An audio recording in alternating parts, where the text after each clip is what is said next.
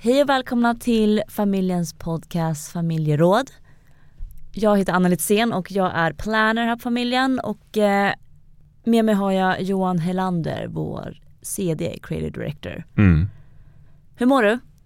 Jag har ont i magen. Nej, men jag ser hur du typ hetsresearchar nu också Ja. inför poddavsnittet. Men jag eh, åt eh, mat som man gör på lunchen och så tänkte jag så här, nu har säkert mycket eh, av maten fastnat i beläggningen på min tunga. Och det luktar säkert illa ur min mun. Mm. Och så tog jag åt två tuggummin och så fick jag ont i magen av Ja. tuggummin. Av Kan, tuggummina? kan ni få det ibland? Eh, Det är som att man Nej. lurar magen att den ska få mer mat. ja exakt, men det är ju exakt. Det Retar magmunnen på något vis. mm, det är inte ett bra beteende. Ja, men annars är det jättebra. Ja. Alltså det är ju otroligt och eh, jag har cyklat runt i Stockholm ganska mycket de senaste dagarna Mm. och man blir ju varenda år lika överraskad över hur fantastisk den här staden Ja, är. älskar. För den är ju värdelös på vintern, Mm. verkligen. Mm. Det, det är som att man eh, upptäcker den på nytt. Ja. Vad ska du prata om idag Johan? Massor av saker. Ja, Jag, Kul. som jag ska försöka få ihop till en sak. Jag ska prata om bilar, grå bilar, Capero. Eh, jag hittade en grej som Erik Modig har skrivit. Lite vad Rory Sutherland sa i en podd jag hörde här om dagen. Det är typ det. mm. lite gott och blandat. Ja.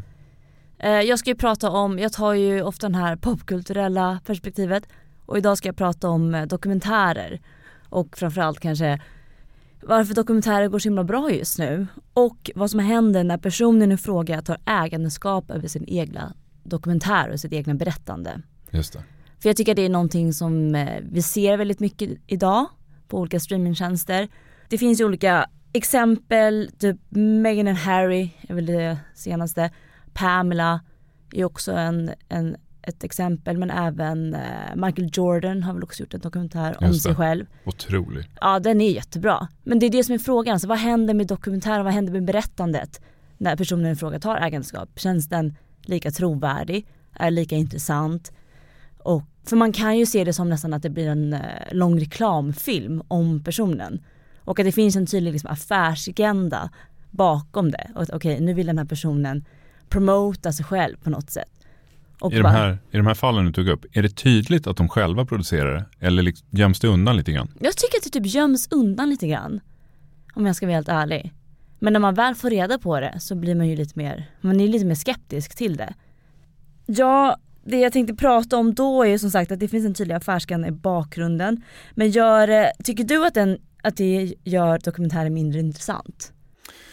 Jag funderar på om man skulle betrakta det som en biografi. Mm. Och det vet man ju om man har läst några biografier att de är väldigt eh, självförhärligande. Mm. Och det är ofta att så här, de negativa aspekterna av en personlighet framställs som positiva Mm. i princip. Ja. Förutom skulle jag säga eh, Walter Isaacsons biografi om Steve Jobs. Mm. Den tycker jag ändå var eh, ganska intressant utifrån att Steve Jobs bara eh, sa att jag tänker inte läsa den, du får skriva precis vad du vill. Mm. Och då kan vi, förlåt, nu svävar jag ut. Men Kör. det jag skulle säga, jag har ju sett den här Michael Jordan-dokumentären och precis som många, många idrottsdokumentärer så sköljs man ju med i liksom dramaturgin. Så att, Mm. eh, men om jag hade vetat på förhand att det här är en biografi över Michael Jordans karriär så kanske jag hade sett på den på ett lite annorlunda sätt. Nu visste jag inte det förrän efteråt. Mm. Så jag skulle önska att det blir en disclaimer. Ja exakt, det känns lite som man, att det inte finns lika stort kreativt utrymme Ja, det är Nej. ingen journalistisk produkt i Nej. det fallet. Och det är, inte, det är precis det här utifrån versus inifrån perspektivet. Och att det borde vara en liten disclaimer innan. Mm. Men det är intressant för de, det handlar mycket om att bygga sitt egna varumärke idag som personer. Och det gör man ju verkligen med hjälp av att göra sin egen dokumentärfilm. Mm. De pra- jag lyssnade på en podd också, jag tror det var P1, Wow. jag vet inte vad någonting. De pratade om att det kanske behövs ett så här nytt uttryck till det här. De pratade om så här medial biografi, kräver det här den här typen av så nytt begrepp? För jag tycker jag ser liknelser mellan typ influencers som vloggar, som har sina egna vloggar. Och där är det väldigt tydligt så här, ja, men du har valt att följa den här personen, vad den gör på dagen, vad den äter, vad den tränar och vad den konsumerar och så vidare. Och det är lite det du får ta del att- Framförallt den här Pamela, man bara följer hennes liv. Det är Mm. du som en enda stor vlogg. Men det känns lite saker som hon säger till exempel i den, för den såg jag då här veckan för jag skulle göra poddavsnittet. Pratar om att typ när de går in i ett rum så är det massa, eh, vad heter de här gamla etikett, nej, eh, Ett rum. VHS typ. Ja, Ja, ja. ja. Och så säger han så här, oh my god wow I didn't know I had these. Man bara, snälla du visste exakt att du hade de här och att de här var i det här rummet och att vi skulle filma. Förstår du? Ja. Så det tycker jag att det, det, det tar bort lite av det här. Det känns väldigt planerat att de har klippt flera gånger och det är lite trist.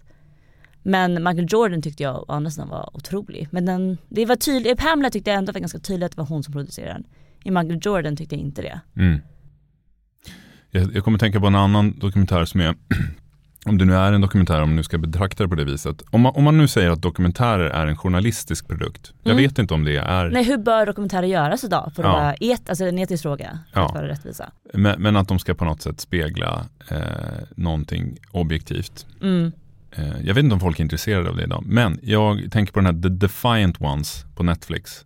Som handlar om Johnny Iowin och Dr. Dre. Och hur de bygger upp Beats by Dre. Mm. Alltså otroligt, jag ryser över hela kroppen. Ja den har inte jag sett, den borde jag se. Men det är frågan om den är producerad av dem själva. Mm. Jag vet inte. Men är den det? Du jag vet inte. Nej. Det skulle vara intressant att ta reda på. Ja. Men min kompis hon är skådis och hon berättar att det de pratar om i branschen. Du har ju pluggat fil- filmvetenskap, du borde ha en Ja, kan, analys kan, här. vi, kan vi ägna ett avsnitt åt det? eller? Ja det tycker jag. Det Ja, tycker jag. Alla, alla dina kurser borde vi Ja, ägna ett avsnitt åt. Absolut. Men hon tycker ju att det de ser är att, att filmer blir mer dokumentära och dokumentärer blir mer filmiska. Alltså Mhm. både filmer och serier. Om man kollar till exempel på så Succession. Det är nästan så borderline dokumentär. Alltså det är lite dokumentärt och även den här Det finns den här Barracuda, Queens. Nu, ah, Mhm, nu, det, är som, det. det är som baserat på den här Lidingö-ligan. Mm. Men det är också så lite dokumentär fast de har dramatiserat det. Och så ser man att dokumentärer är väldigt filmiska, det läggs på en tydlig eh, berättelse som är kanske lite överdriven för att få den här samma effekten som man får av filmen, nästan lite fik- fiktiv på något sätt. Jag tyckte bara det var en intressant spaning som inte jag, Men är det själva eh, skådespeleriet eller hur man har filmat det som du tänker är dokumentärt? Jag tänker på så här, The Office som kom för över 20 år sedan. ja just det. när den, den är kom, dokumentär. Ja, men när den kom så tog det ju tag innan, alltså grejen är att internet var inte så väl utbyggt. Man, man hajade inte så mycket saker som man hajar nu. Mm. Så det tog några avsnitt för mig innan jag förstod att det här är skådespel. Mm. Det är dramatiserat. Mm. Jag, jag, jag, visste, jag var väldigt osäker de första avsnitten. Ja. Jag var också Så, så att jag tänker att är det verkligen någonting nytt om jag får ställa en eh, kritisk fråga? Ja det är sant, det, det, nu eh, borde hon vara här och prata om det. Mm. Men jag tänkte på det, ja, hon tog upp till exempel Succession att det att, att hennes kollegor nästan, det här är väldigt dokumentärt. Mm. Men är det inte därför man är så fruktansvärt less på Wes Anderson? Ja. Alltså från att det Men också var... folk som ska positionera sig själva, att de är intresserade av Wes Anderson, de gillar Wes Anderson-filmer, man bara what else is new? Men en han typ. var ju intressant en gång i tiden. Ja, Eh, men det, om, han, han kom ju med någonting nytt eh, och sen har han hållit fast vid det. Men det är väl som så att ett uttryck har bara en viss period. Eh, alltså en artist är, står bara på toppen av sin karriär x antal år. Och likadant med eh, filmiska uttryck. Och då tänker jag att eh, vi kanske var less på de uttrycken under en period. När allting var väldigt regisserat. Och att vi nu uppskattar ett lite mer eh, slängigt skådespeleri, eh, ett lite mer improviserat skådespeleri och även ehm, ett foto som är lite mer dokumentärt. Men det är givetvis supergenomtänkt allting. ja det är ju det. Men tror du att personer tar ägandeskap över sitt egna berättande, till exempel dokumentärer som vi ser nu. Gör de det för att de vill äga sin egen story 100% eller gör de det för att de är förnekelse till den objektiva sanningen? Det, jag tror att du, eh, det är kul att du ställer en fråga till mig för att jag tror att du är mycket bättre på att svara på den. Men jag, förmodligen är det väl som så med, eh, alltså de är som mediahus de här eh, superkändisarna. Eh, och de har väl i princip börjat tänka på sina liv och hur de dokumenterar sina liv precis som en, ja, ett mediehus Mm. traditionellt har gjort. Mm. Och då ligger det väl inte så långt därifrån att börja producera en dokumentär om Nej. sitt liv, en biografi. Det är väl bara att det, det ligger väl lite mera säga, krav på eh, eh, tittaren. Mm. Att man måste vara medveten om att okej, det här är alltså inte en objektiv dokumentär utan det här är någonting som de har skapat själva. Mm. Det är kul att jämföra två olika kan man ju tycka.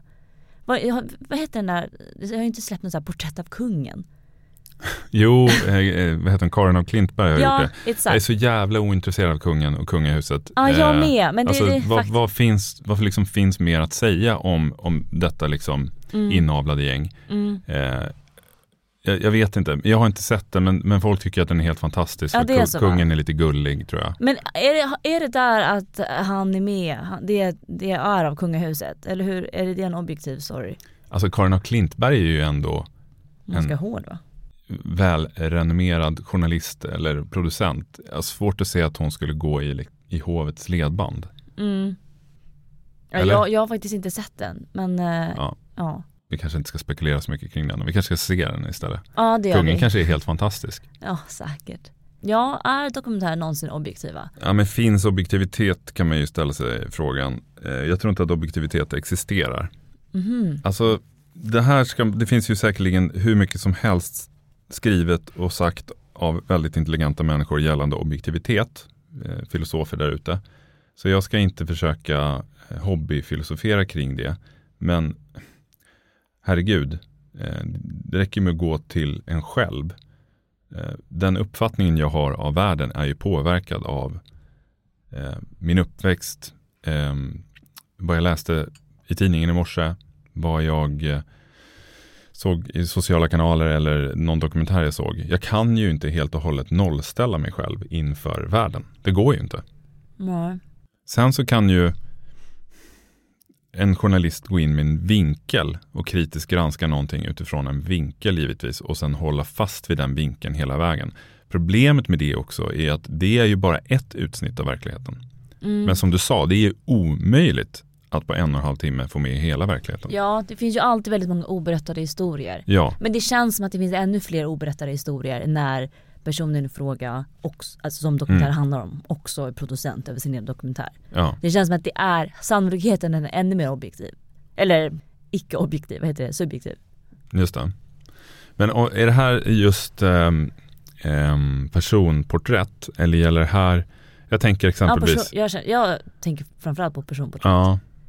För jag, jag, jag tänker exempelvis om man, nu är inte det här något försvarstal till Hennes Maurits, Mauritz, men eh, det finns ett narrativ bland journalister och bland eh, allmänheten i stort, framförallt i Sverige, att Hennes Maurits Mauritz har barnarbetare runt om i världen och man eh, eh, samarbetar med diktaturer och man eh, förgiftar mark och vatten för folk och så vidare.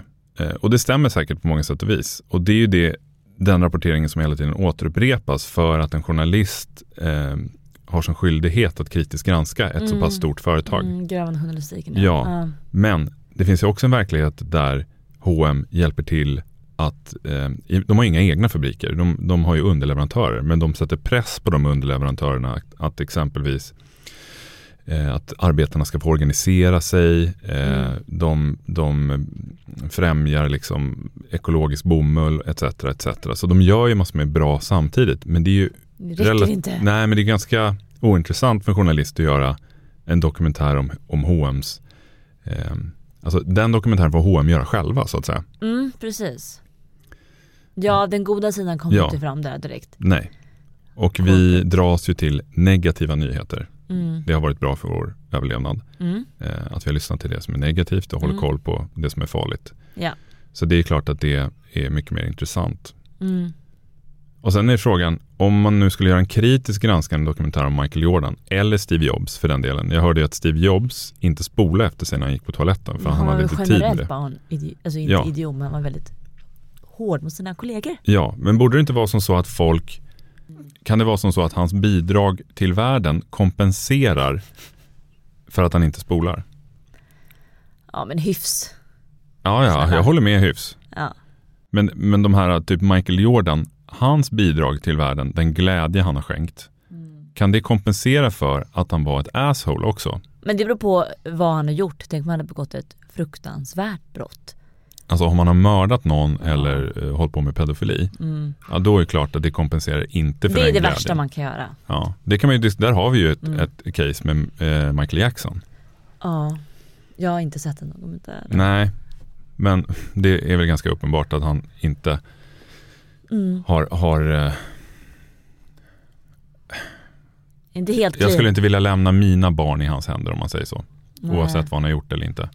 Eh, Men, men där är också den frågan så här. Det är många som vänder ögat, örat Ja. till tycker jag. Som inte bara, nej jag vill inte lyssna. Jag Man ska skilja höra." på verk och person och Ja, sådär. jag orkar inte ens gå in i den debatten. Nej. Eh, vi kommer ifrån ämnet här, men, ja, men jag vet inte var vi är någonstans. Det vi pratar om är ju egentligen de här självförhärligande biografiska, eller vad sa vi för någonting? Självförhärligande eh, biografiska dokumentärerna. Ja, exakt. Eh, är det ett problem eller inte? Ja, det är väl inget problem men det ställer krav på eh, tittaren att Ja. vara mer kritisk. Vi vill ha en disclaimer innan. Ja. Den här eh, dokumentären är producerad av Mm, personen i fråga som dokumentären porträtterar. exakt. Då är vi okej med det. Då är vi okej med det. Vad ska du prata om då Johan? Nu har vi babblat på här. Ja, alltså jag tänkte att jag från början, jag kom över den här undersökningen, det här låter ju så jävla tråkigt, folk kommer stänga av den här podden, de tio personerna som lyssnar på den. Eh, nej, men Sveriges annonsörer har i samarbete med Capero, som kallar sig för managementkonsulter inom marknadsföring, Mm. gjort en ganska gedigen undersökning där man frågat marknadsavdelningar, vd, försäljningsavdelningar om hur de ser på eh, roller, organisation och ansvar. Alltså i princip så här, hur ska ni, hur jobbar ni med er kommunikation idag? Hur ska ni jobba med den de kommande tre åren? Och de här Capero, de är ganska krassa. Eh, jag tror att man kan söka, jag tror att man kan hitta den här marknads, eh, den här undersökningen på eh, Sveriges annonsörers hemsida. Jag kan rekommendera att ladda ner den. De är ganska krassa, de tycker i princip att det marknadsavdelningen håller på med är skit. Och de skriver det väldigt tydligt i den här. Och eh, eh vi är ju konsulter. Eh, som konsult så ska man givetvis lämna en tydlig rekommendation. Men samtidigt så lyder man ju under det eh, uppdragsgivaren vill åstadkomma. Så är det ju. Mm. Och jag har ju ägnat ganska mycket tid de senaste 20 åren åt att läsa extremt mycket forskning och försöka förstå mig på det jag jobbar med. Ja, Johan postade en gr- veckans graf i Slack på Ja. inspirationskanal. Och jag är kreatör, man ska inte Mm. hålla på med sånt Ja, egentligen. men det är Men, nej, men allting vi håller på med, det vet ju du Anna, eh, det är du som har pratat mer om det med mig. Eh, det är den här eh, geléklumpen vi har under våra skallben som allting handlar om. Mm. Så kanske någon skulle säga emot det som säger att intelligens sitter i hela kroppen. Mhm. Eller vad det nu kan vara för Det någonting. tycker inte vi. Nej, vi är Vi är ju motståndare till det.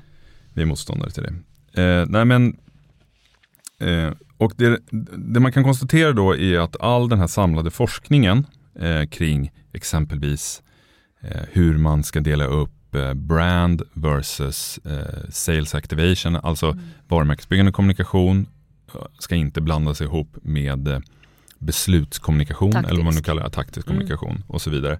Eh, man ska enligt Byron Sharp hela tiden och hela den här light bias teorin hela tiden fokusera på att rekrytera nya kunder Mm. eh, snarare än att kommunicera till sina befintliga kunder. Mm. Sen, sen har ju alla organisationer någon form av CRM-system. Men Mm.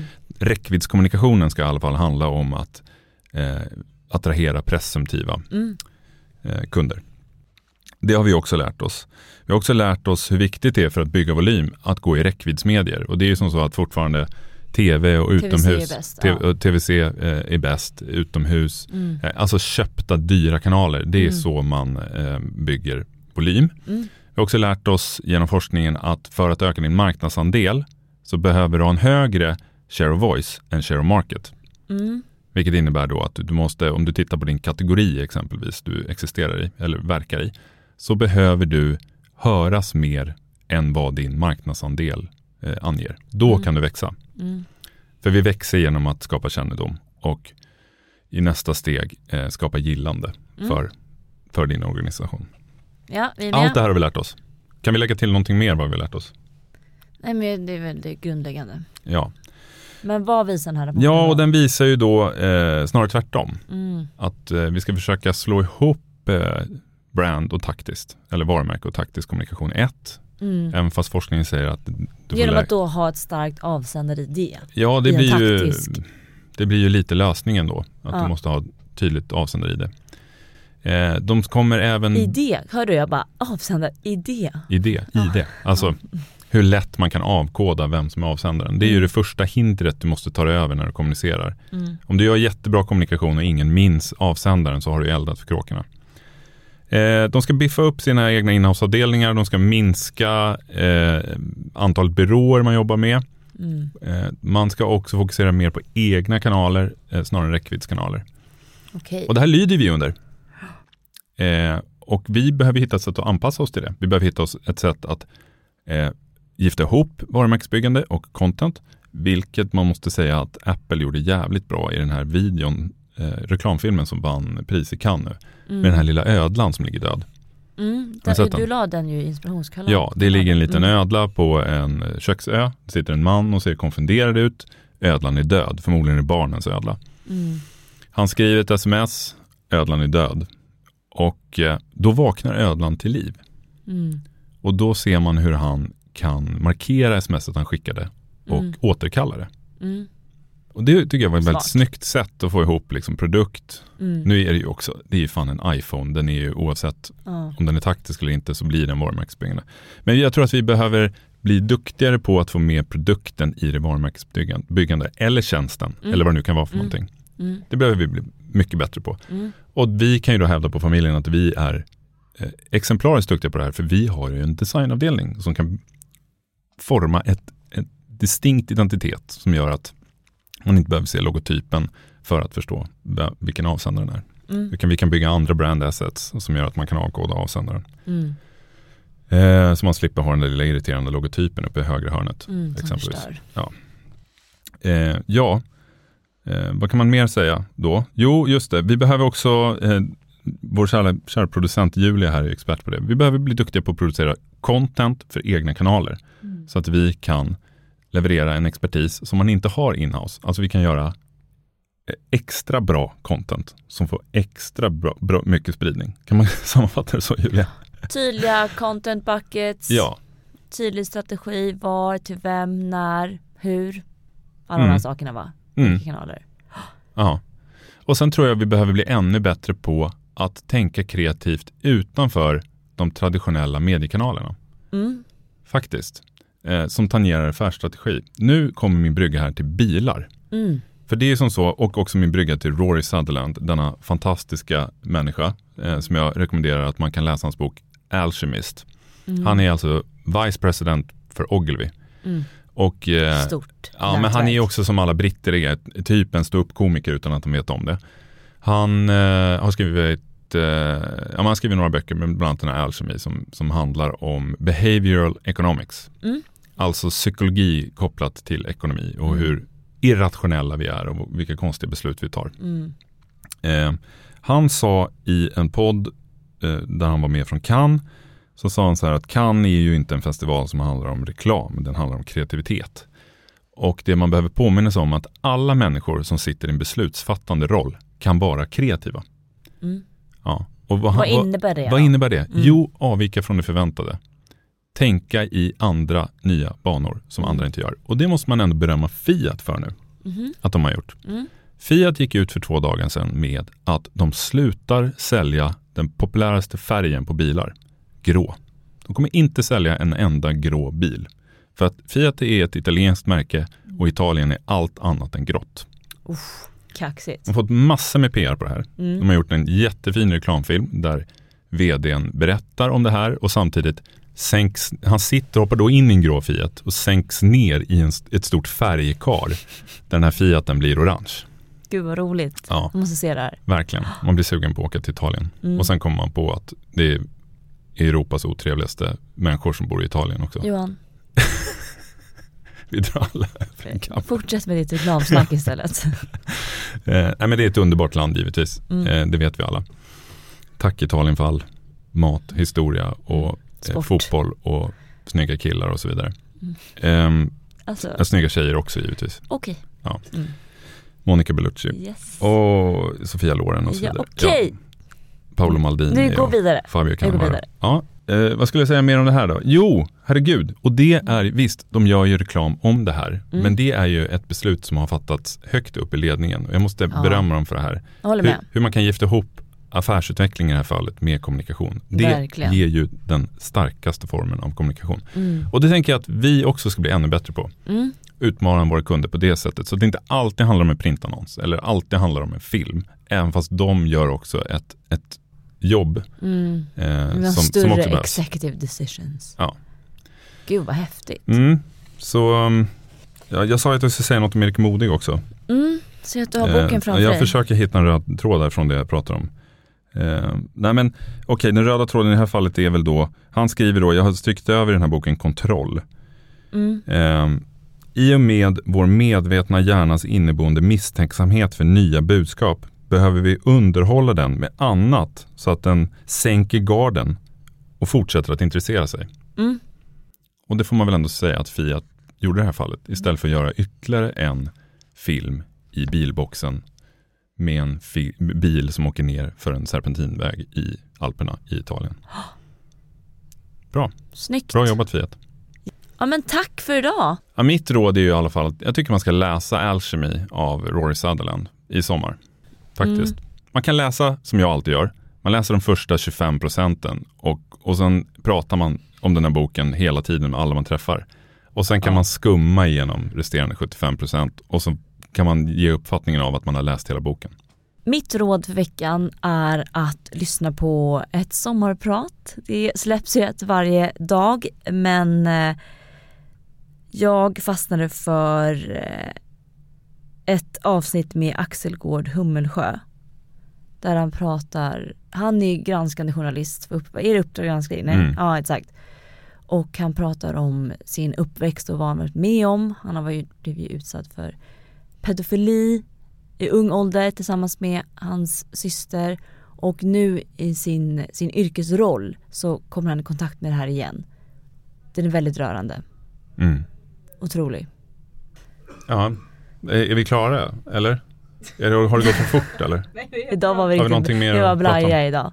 Tack så jättemycket för att ni lyssnade och Ja, eh, glad sommar. Ja, verkligen. Ha en härlig sommar. Ja,